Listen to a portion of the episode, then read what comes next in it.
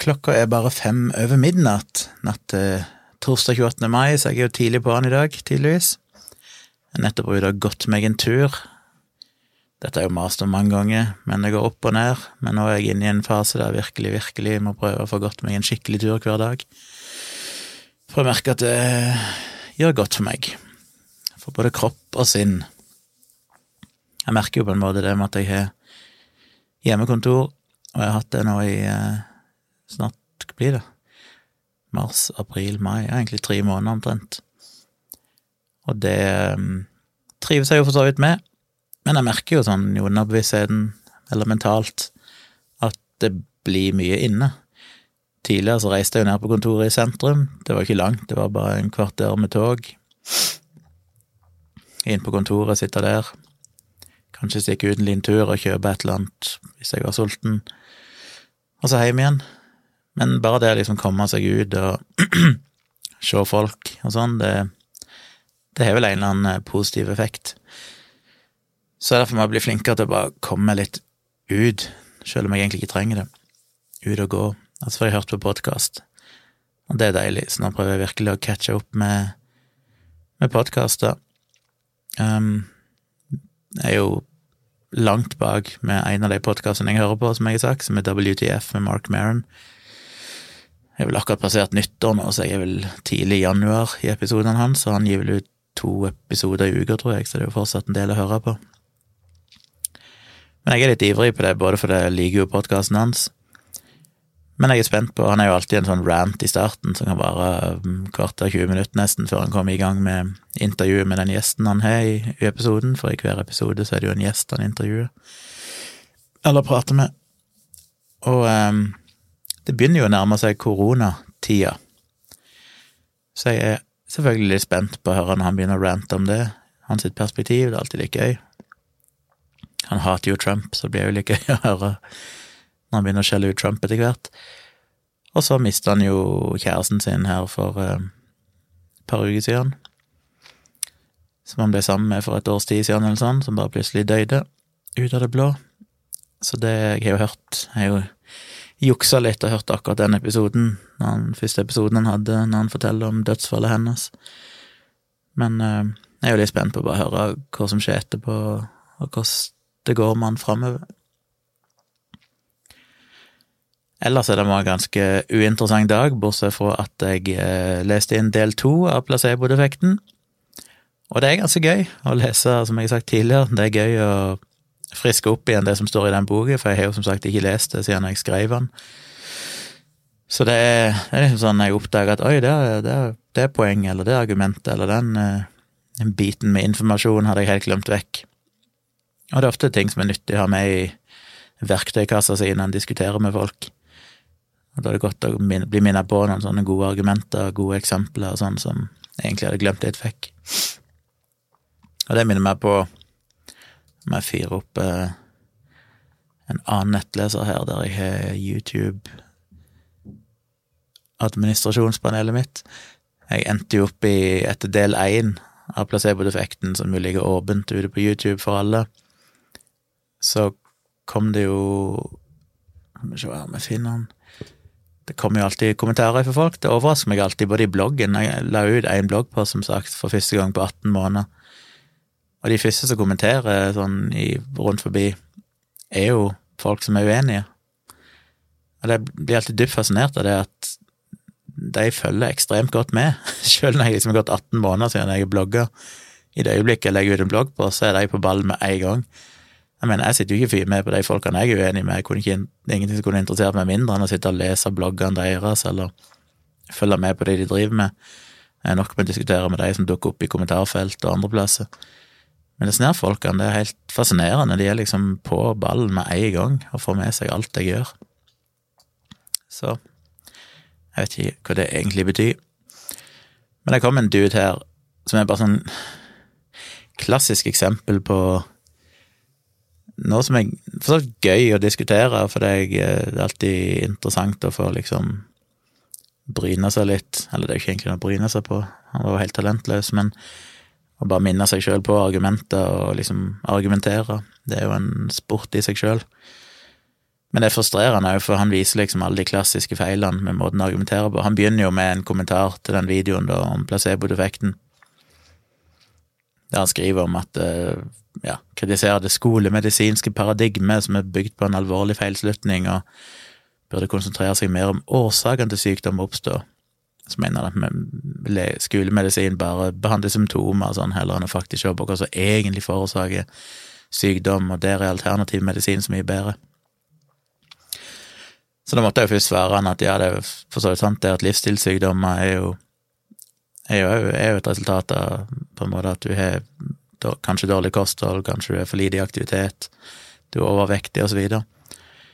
Men det er jo vanskelig å komme utenom at en betydelig andel, andel sykdommer faktisk skylder bakterier og virus. Det er klart det argumentet er litt vanskelig, for sånne folk har jo ofte en tendens til å faktisk benekte at bakterier og virus i det hele tatt fins. Da blir jo debatten litt sånn litt håpløs i utgangspunktet. Men jeg påpekte nå det at mye består av bakterier og virus, det er DNA-skader, det er genetiske arvefeil, Eh, det er ytre påvirkning for skadelige stoffer, det er jo ulykke, det er jo eh, ja, hvis du brekker beinet, for eksempel. Altså, det er mye du faktisk trenger legemidler og skolemedisinsk behandling for å behandle, som ikke handler om å liksom finne de underliggende årsakene. Det er jo Har du en genetisk feil, eller har du brukket beinet, eller har du vært i bilulykke, eller har du fått koronavirus, så er det faktisk ting som må behandles. Det er ikke noe du kan Det minner meg egentlig det om leser om i første del av boken min. Da snakker jeg jo akkurat om det at det er en slags idé om at sykdom er en straff. Det er litt sånn religiøst at sykdom er helvete, det er liksom straffen for at ikke du levde et godt liv. Men hvis du følger alle disse ritualene og ideene innenfor alternativ medisin, så er du liksom Hvis du bare klarer å tro sterk nok og være, leve riktig, leve etter disse reglene, så forblir du frisk. Og til og med kreft kreft, for eksempel, er liksom din egen feil, og alt er din egen feil. Og det er jo på en måte det han sier her, da. Og så argumenterer jeg litt om at eh, ja, det er så typisk å si det at skolemedisin ikke bryr seg om årsaker og sånn, for de føler seg jo alltid så holistiske, disse her alternativfolkene, at de ser hele mennesket. Jeg har aldri skjønt det argumentet heller, for hvis det er én ting alternativbehandlere gjør, så er det jo nettopp å behandle symptomer. Det er jo det eneste de gjør. De gir en falsk diagnose, og de gir en falsk kur. Og det leger er gode til. Jeg kan kritisere helsevesenet og leger for mye. Jeg, ikke, jeg syns det er fryktelig mye håpløse leger og sånn der ute. Men leger kjenner jo iallfall i det minste sin begrensning, som regel. Det er ikke sånn at hver gang du går inn til en lege, så ender du opp med en eller annen behandling eller medisin det er ganske ofte at de må si at vi jeg vet ikke hva som er galt, eller at de faktisk gir deg råd om livsstil, at du må mosjonere mer, du må endre kosthold, du må gjøre et eller annet. Men jeg vil jo nesten anta at hadde han gjort en undersøkelse, så hadde han funnet at så godt som 100% av alternativbehandlere alltid vil finne noe som er galt med deg. Uansett. Og det er det jo gjort mange eksempler med, alltid fra Folkeopplysningen til andre utenlandske programmer der de gjenger undercover. Uansett hvor frisk person du sender inn, så finner de jo alltid noe med deg. Og det kan jo i aller høyeste grad skolemedisin kritiseres for, på mange måter, spesielt i nyere tid, når dette med sånne checkups og sånn har blitt så veldig eh, vanlig, selv om det er helt meningsløst og ikke hjelper noen ting å ha årlige checkups og sånne ting. Så er det òg et problem at det er liksom en overbehandling og overdiagnostisering innenfor det vanlige helsevesenet, men jeg tror det er vesentlig verre i alternativbransjen. Så jeg skrev litt om det, da greit nok. Um, så skrev jeg òg på slutten at uh, altså, var det jo det lille arbeidet om at når du faktisk tester disse alternative behandlingene i kontrollerte studier, så virker de ikke. Så jeg skrev et ganske langt svar med Jeg har jo laget tre bloggposter jeg har skrevet der jeg liksom redegjør mer for disse tingene. Og så svarer han jo selvfølgelig at uh, det er ikke rart at de ikke finner noen dokumentert effekt av alternativ behandling når de aldri forsker på det, fordi at de mener, han mente at legevitenskapen var så arrogant at de liksom aldri De så på det som en konkurrent, så derfor ble det aldri forska på det. Som jo er en helt fascinerende ting å skrive, så jeg påpekte jo at det er jo foretatt tusenvis av studier på alternativ behandling. Bare innenfor akupunktur de siste hva er det, 20 eller 30 årene så er det mer, publisert mer enn 3000 gode studier og hvis du tar med alt som blir forska på akupunktur, så er det tusenvis på tusenvis av studier som blitt publisert. Og det er kun akupunktur. I tillegg kommer homopati og naturlegemidler og kiropraktikk og ja, gudene vet reiki-healing og alt mulig rart. Så den påstanden om at det ikke blir forska på, er jo feil. Men da kommer jo det interessante med han, som er så frustrerende. Det er jo det at selv om han kommer med påstander som jeg mener relativt sånn ettertrykkelig tilbakeviser med god argumentasjon og kilder, så tar han aldri det til seg. Og det er det som er så håpløst med å diskutere med sånne folk. De bare går videre til neste ting. Det er aldri noe sånn at de fortsetter å argumentere for at de faktisk har rett, selv om jeg vært uenig med dem. Det har iallfall vært realt av dem. Det er på en måte bedre at de innrømmer eller ikke vil akseptere mitt svar og faktisk argumentere videre. Men det de heller gjør, er jo på en måte bare å stille, ignorere det, og så bare gå videre til et nytt poeng. Og så skriver han jo eh, i sin neste, så sier han liksom i stedet for at du bruker så mye av din tid på å motarbeide folks mulighet til å benytte seg av alternative metoder til god helse, så foreslår jeg at du heller oppdaterer deg på hva Big Pharma, WHO, vaksineprodusenten osv. driver på med. Og da måtte jeg jo skrive at jeg faktisk eh, har jo kritisert Big Pharma, eller legemiddelindustrien, ganske mye. Jeg gjør jo det blant annet i, i placebo-defekten. Jeg har hatt flere eh, episoder dialogisk, og vi hadde en hel episode i Saltklypa i den gangen når vi starta opp med det for en ti år siden. Den podkasten som bare handla om liksom å kritisere Big Pharma og problemer med helsevesenet og legemiddelindustrien. Jeg har holdt masse foredrag, til og med for eh, hele Nordens Jeg holdt det for to, to eller tre ganger, så jeg har holdt foredrag for alle nordiske helsemyndigheter. En gang i Norge et sted, og en gang så ble jeg invitert til Sverige, i Stockholm, og holdt foredrag for eh, Nei, det var ikke Stockholm, det var en annen plass i Sverige, der både Finland, Danmark, Sverige og Norge sine helsemyndigheter var representert, og jeg holdt foredrag. Og da står jeg jo å kritisere legemiddelindustrien og snakke om at de, eller at de ikke publiserer negative studier og prise opp medisiner i u-land og sånn, og at de blir tatt for korrupsjon eh, i forskjellige sammenhenger. Men disse folkene de bare liksom sier det, at de ikke kritiserer legemiddelindustrien, for de har jo aldri sjekka om jeg gjør det. De bare tror. I deres verden så kan du aldri være nyansert, du kan bare være enten for eller mot. Så for deg så er jo jeg ikke bare for legemiddelindustrien, jeg er helt sannsynligvis betalt òg av de for å si det jeg sier. Så det, det er så fascinerende hvor banale de er. Det er liksom ingen, det finnes ingen nyanse eller Og så, ja, så svarte jeg litt på det, og forklarte han dette. Og så sa jeg at jeg tviler jo egentlig på at han i det hele tatt vet noen ting om legemiddelindustrien og WHO og sånn sjøl. Og så ble jeg kanskje litt cocky, men jeg måtte jo påpeke at jeg har jo faktisk lest utallige forskningsartikler og artikler skrevet av vitenskapsmenn de siste 20 årene. Jeg spurte hvor mange han egentlig har lest, og jeg har skrevet to bøker jeg har brukt 20 år av mitt liv på å sitte og prøve å finne ut av de her tingene. Jeg har skrevet nesten 2000 bloggposter, jeg har spilt inn flere hundre timer med podkaster. Jeg har holdt over 130 foredrag, stort sett, eller veldig ofte for nettopp fagfolk, for leger, psykologer, forskere, medisinstudenter, alt mulig sånn, tannleger, veterinærer. Jeg har debattert temaene i sosiale medier i årevis, og med fagpersoner. Jeg har sikkert besvart tusenvis av kritiske spørsmål. Jeg lager YouTube-videoer. Jeg har bare brukt så mange timer og mange år på dette her. Jeg skal vite på han knapt til å åpne ei bok i sitt liv. Og allikevel så er det akkurat som han innbiller seg at han vet hva legemiddelindustrien og sånn driver med. Og det minte meg jo på at jeg snakka jo om det i den del to av placebo-defekten òg, det hadde jeg òg glemt vekk, men der skriver jeg faktisk at At det er forskning som viser at folk som er veldig kritiske til legemiddelindustrien og sånn, eller folk som har veldig stor tro på det alternativet, òg har generelt sett mye dårligere kunnskap om både vitenskap, men ikke minst hvor strengt legemiddelindustrien for eksempel er regulert. Og der var det en kildeanvisning i boka, så jeg må grave fram og se på, for det er litt gøy, jeg hadde glemt vekk det, men det er gøy at det fins forskning som på en måte viser den sammenhengen. At de som er mest tilhengere av alternativ behandling, faktisk òg er de som absolutt kan minst om hvordan ting faktisk fungerer.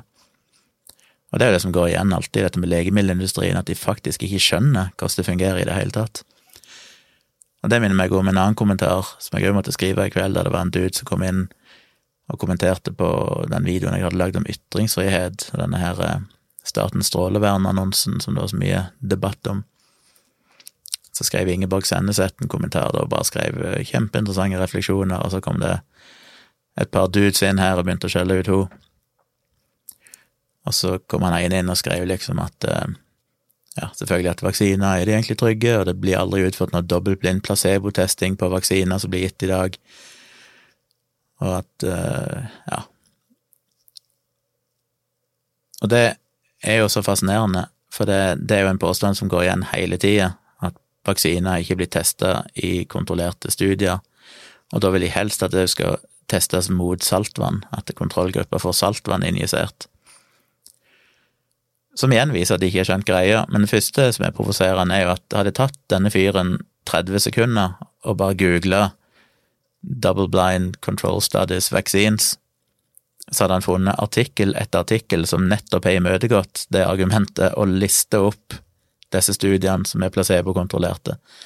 For selvfølgelig er det masse placebokontrollerte studier på vaksiner. Men det som er litt mer komplisert å forklare det er jo det at veldig ofte så blir ikke legemidler eller vaksiner testa mot for eksempel saltvann, fordi det er ganske uinteressant. Ikke minst fordi at skal du ha en vaksine, la oss si, mot eh, meslinger, så har vi allerede vaksine mot meslinger. Og hvis du da skulle ha testa en ny vaksine mot meslinger for å se om den er bedre, hvis du da skulle ha ei kontrollgruppe som ikke ble vaksinert, så ville det være fullstendig uetisk, for da er de i risikoen for å få meslinger, som jo er en potensielt dødelig sykdom. Så vi tester jo veldig sjelden sånne vaksiner mot placebo, vi tester det jo mot den beste vaksinen vi allerede har, for å se om den nye vaksinen faktisk fungerer bedre eller har mindre bivirkninger eller whatever. Men du kan ikke frarøve kontrollgrupper retten til å faktisk få den samme beskyttelsen som alle andre har krav på. Pluss at jeg skriver artikler opp og ned om eh, hva som faktisk er relevant å teste. Når de tester jeg mener jeg husker at når de tester svineinfluensavaksinen, for eksempel, så tester de jo ikke den mot en, en placebovaksine, fordi vi har jo hatt influensavaksine i flere tiår, eh, og vi vet på en måte at de stoffene i vaksinene er trygge. Så det de tester med, er at de har ei kontrollgruppe som får alle de andre ingrediensene i vaksinen.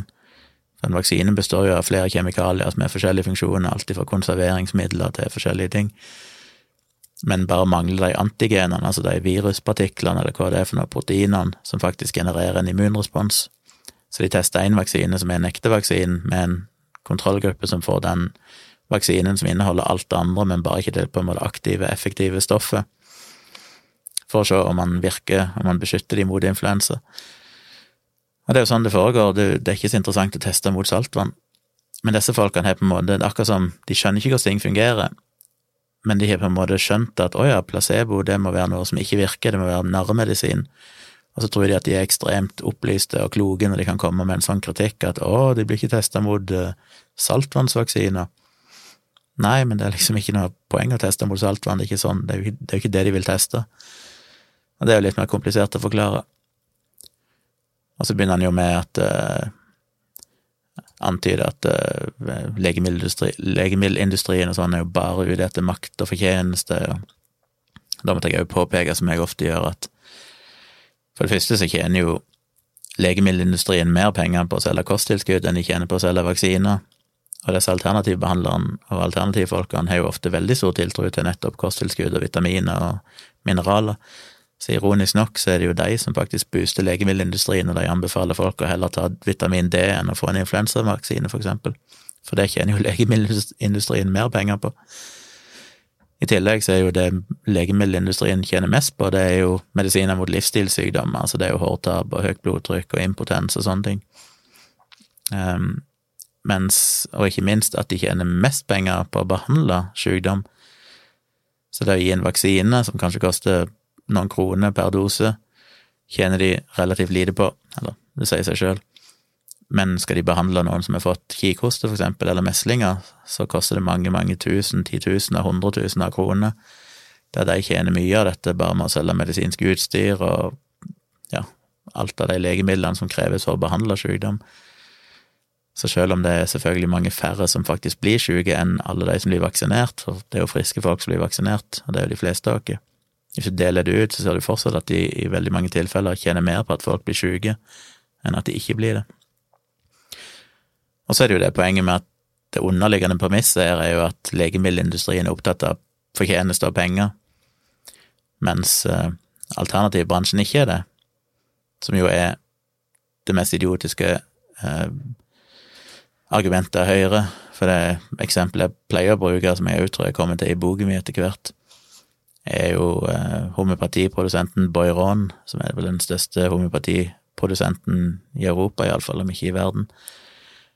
Men de har jo et markedsføringsbudsjett, altså bare det de bruker på reklame på ett år, er jo større enn hele norske vaksinebudsjettet. Og det setter jo ting litt i perspektiv. De omsetter jo for milliarder, og det er bare ett av selskapene. Det finnes jo utallige selskaper som produserer alternative remedier, i tillegg til de som alle aktørene som òg tjener penger på å selge behandlingen og kosttilskudd og velværeprodukter og alt dette her. Så det er jo en multimilliard industri. Og allikevel så har de en idé om at nei, det er ikke noe penger involvert i alternativ behandling. Det er bare ei koselig gammel dame som står og selger noen urter på hjørnet, liksom, i en familiebedrift. Og det er fascinerende. Så jeg blir bare. Det er bare frustrerende med sånne folk, for det som går igjen hele tida, at det er de samme argumentene som de har bare hørt et sted, og som fyller et eller annet tomrom i det. De gir liksom mening, det får de til å føle seg smarte. Men det hadde jo som regel ikke tatt de mer enn et par minutter å sjekke om det faktisk stemmer, og så funnet ut oi, det stemmer jo faktisk ikke. Jeg bare skjønner liksom ikke hvordan sånne mennesker fungerer. Hvordan kan du leve i en sånn verden der du bare Jeg mener, hadde jeg vært i debatter, og så bare sa jeg ting som jeg syntes hørtes kult ut fordi jeg hadde hørt det et sted, uten å sjekke om det stemmer, det hadde jo vært helt utenkelig hvis jeg hører et eller annet sånt argument. Jeg mener, jeg skrev boka mi, hver eneste ting jeg påstår i boka, har jo jeg researcha grundig for å sjekke at det stemmer. Og det var jo utallige eksempler og historier jeg hadde tenkt å ha med, for jeg har hørt de andre plasser, som jeg endte opp med å ikke ta med i boka, for når jeg researcher det, viser det seg at oi, dette der stemmer jo egentlig ikke. Jeg kan ikke bare skrive det bare fordi det høres kult ut, eller fordi det er et godt poeng, jeg må faktisk sjekke at det er korrekt. Ja, sånn frustrerer meg. Men jeg får iallfall litt utløp for det i kommentarfeltene. Jeg hadde jo lyst til å rante litt om Jeg snakket jo litt om eh, kvantemekanikk i går, og så bare ble jeg påminnet av en liten video jeg så på YouTube i dag. Dette her med hvor fascinerende hjernen er. Hvordan Det snakker jeg jo mye om i foredrag. Jeg har et eget foredrag som handler om hvordan hjernen lurer deg. Der jeg bruker optiske illusjoner og sånn, for å vise at vi ikke kan sanse virkeligheten. Men det er én ting jeg ble påminnet som jeg hadde glemt vekk, som jeg muligens har snakka før om i dialogisk, jeg husker ikke, men men det er jo så fascinerende med hjernen når du har folk, for eksempel med Dere har sikkert hørt om folk som har ekstreme, kraftige epilepsianfall, så én behandlingsmetode som vil bli brukt fortsatt, det er jo å splitte hjernen i to. At du må kutte de nervene som forbinder høyre og venstre hjernehalvdel. Og da får du egentlig to separate personer, basically, inn i et hode. Og som dere sikkert vet, så er det jo sånn at venstre hjernehalvdel styrer høyre side av kroppen, og motsatt. Også I tillegg så er det jo enkelte funksjoner som bare finnes i den ene hjernehalvdelen. For eksempel tale finnes vel bare, jeg husker ikke om det er venstre eller høyre, jeg tror det er høyre side. Eh, eller er det venstre? Jeg tror det er venstre, for det er vel en teori om hvorfor de fleste er høyrehendte, er at etter hvert som Homo sapiens begynte å bruke språk mer, så tok den taledelen over så mye av hjernekapasiteten at på en måte Nei, da må det ligge i høyre side. Hvis det ligger i høyre side, så svekker det den venstre armen, så den venstre armen er litt dårligere koordinert hos de fleste, fordi talesenteret ligger på høyre side. Jeg tror det er noe sånn. Men det er så fascinerende når de gjør sånne forsøk da, med folk som har fått splitta hjernen, og så ber de sitte med et, eh, en skjermvegg midt på nesa, sånn at ett øye ser den ene sida, det andre øyet ser den andre sida, så kan de da vise dem et bilde av et eller annet, en kylling. Og hvis de, la ikke si noe, husker jeg ikke, men la ikke si at talesenteret ligger i høyre side. Hvis de da viser det til det venstre øyet, så kan de si at ja, det er en kylling, men hvis de viser bildet på den høyre sida, som da går til venstre hjernehalvdel, så er det ikke noe tale der, og dermed så vil de ofte hevde at ikke de ser noen ting, for det er fordi de ikke kan si hva det er, at det ikke på en måte blir formulert i hjernen deres hva dette er for noe, så er de blinde for bildet òg. De sier at det er ikke noe der. Men hvis de da får beskjed om å tegne det, så klarer de å, å tegne bildet, selv om de hevder at de ikke har sett det. Eller hvis de får tre alternativer, liksom ser du en traktor, en kylling eller en høygaffel, så peker de ut kyllingen, selv om de hevder at ikke de har sett den. Og det som er mest fascinerende med det, er jo at når de da etterpå blir spurt om ja, hvorfor valgte du kyllingen når du hevder at du ikke ser noen ting, så har de alltid en forklaring, og det kan være at eh, nei, for jeg spiste, hadde kylling til middag i går.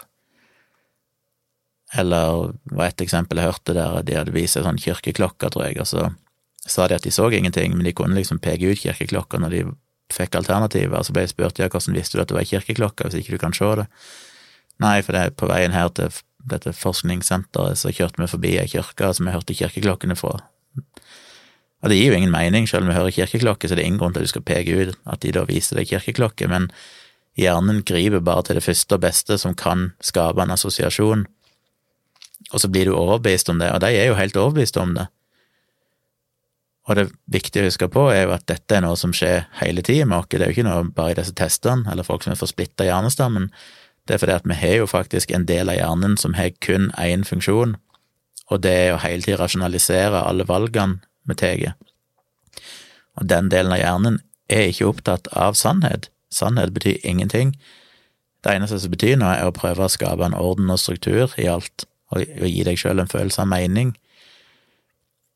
Og det syns jeg er noe av det viktigste å huske på i livet, at det faktisk er sånn hjernen fungerer, og være ydmyke for det. Og jeg snakker jo en del om det i foredrag, og skriver vel om det placeboeffektene placeboeffekten òg, men, men jeg, hvordan jeg kan ta meg sjøl i det hele tida, og, og føle at det er noe som gir mening, eller at jeg kan rasjonalisere ting som skjer i livet mitt med at ja, det skjedde sikkert, eller det fortjente jeg fordi for to uker siden, eller de siste fem månedene, så har jeg gjort sånn og sånn. Og så er det sikkert ikke noen sammenheng i det hele tatt, men den modulen i hjernen som heter som sin eneste primære jobb å fortelle bevisstheten min at uh, flink gutt, du har jo gjort det rette, og dette er grunnen, her har du en forklaring.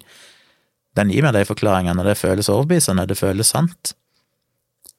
Så det er jo så ufattelig mye i vår hverdag vi føles, føler er sant, og vi faktisk tror på, fordi den delen av hjernen har som sin jobb å lyge til oss, og lyge til oss hele tida, fordi sannheten betyr ingenting. Alt handler bare om å finne mønster og sammenhenger i alt som skjer rundt dere. Og Det er så gøy med sånne forsøk der du faktisk kan ta folk der som har fått splitta hjernen, og du faktisk kan teste de her tingene i praksis, og vise det helt eksplisitt at jo, det er faktisk sånn det. Disse folkene har bare koket opp en løgn, rett og slett, men de mener jo ikke å lyge. Jo, og for deg så føles det akkurat like sant som det føles for meg og deg i alle andre sånne ting vi gjør hver dag. Bare vi tenker ikke over det, for vi har en i gåsehud normal hjerne. Mens for disse menneskene så vil det føles helt sant og helt logisk at de valgte å peke ut bilde av kyllingen fordi de hadde kylling til middag dagen før, for det er det beste hjernen finner akkurat der og da til å forklare at de klarte å gjøre noe som tilsynelatende skulle være umulig, og hjernen liker ikke umuligheter. Hjernen vil at ting skal gi mening, så hjernen koker alltid sammen en eller annen forklaring, uansett hvor usannsynlig den er, og vi føler at det er sant og rasjonelt. Og når han begynner å tenke på de tingene, så mister en jo litt sånn Mister jo nesten livsgnisten, en føler jo bare at alt en lever, er en løgn.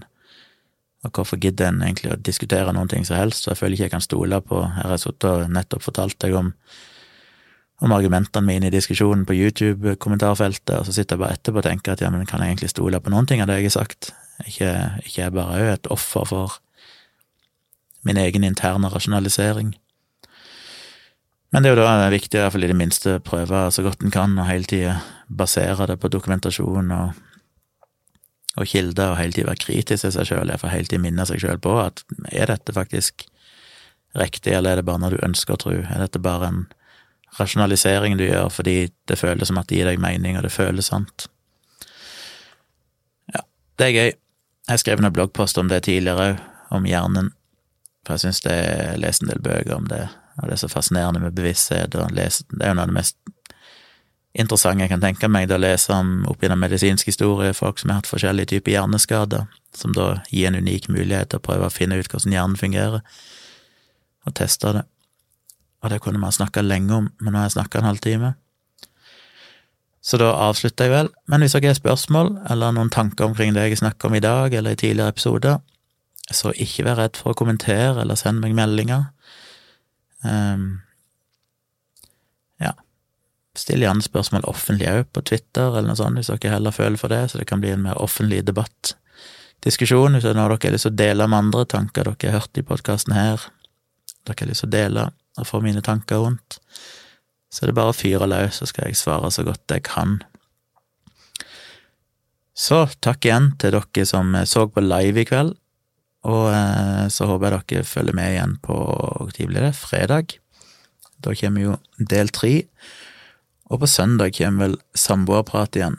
Men i morgen må jeg litt tidlig opp, for da skal vi kjøre til Vikersund og hente valp. Så når vi kommer hjem i morgen ettermiddag, så har vi fått et nytt familiemedlem her. En bitte liten åtte uker gammel Yorkie, som vi må ta vare på og trene opp og lære alt mulig rart, og det blir jo spennende og utfordrende. Og da får jeg enda en god grunn til å bli enda flinkere til å gå tur, i det minste, så det er jo bra. Så i morgen kveld så får dere vel en liten rapport om eh, dag én med valp, og kanskje jeg eh, snakker mer om eh, hjernen og rare ting, hvis dere har lyst til det. Gi meg et lite hint i så fall, så kan jeg gjerne snakke mer om de tingene. Anyway, vi snakkes igjen høres i morgen.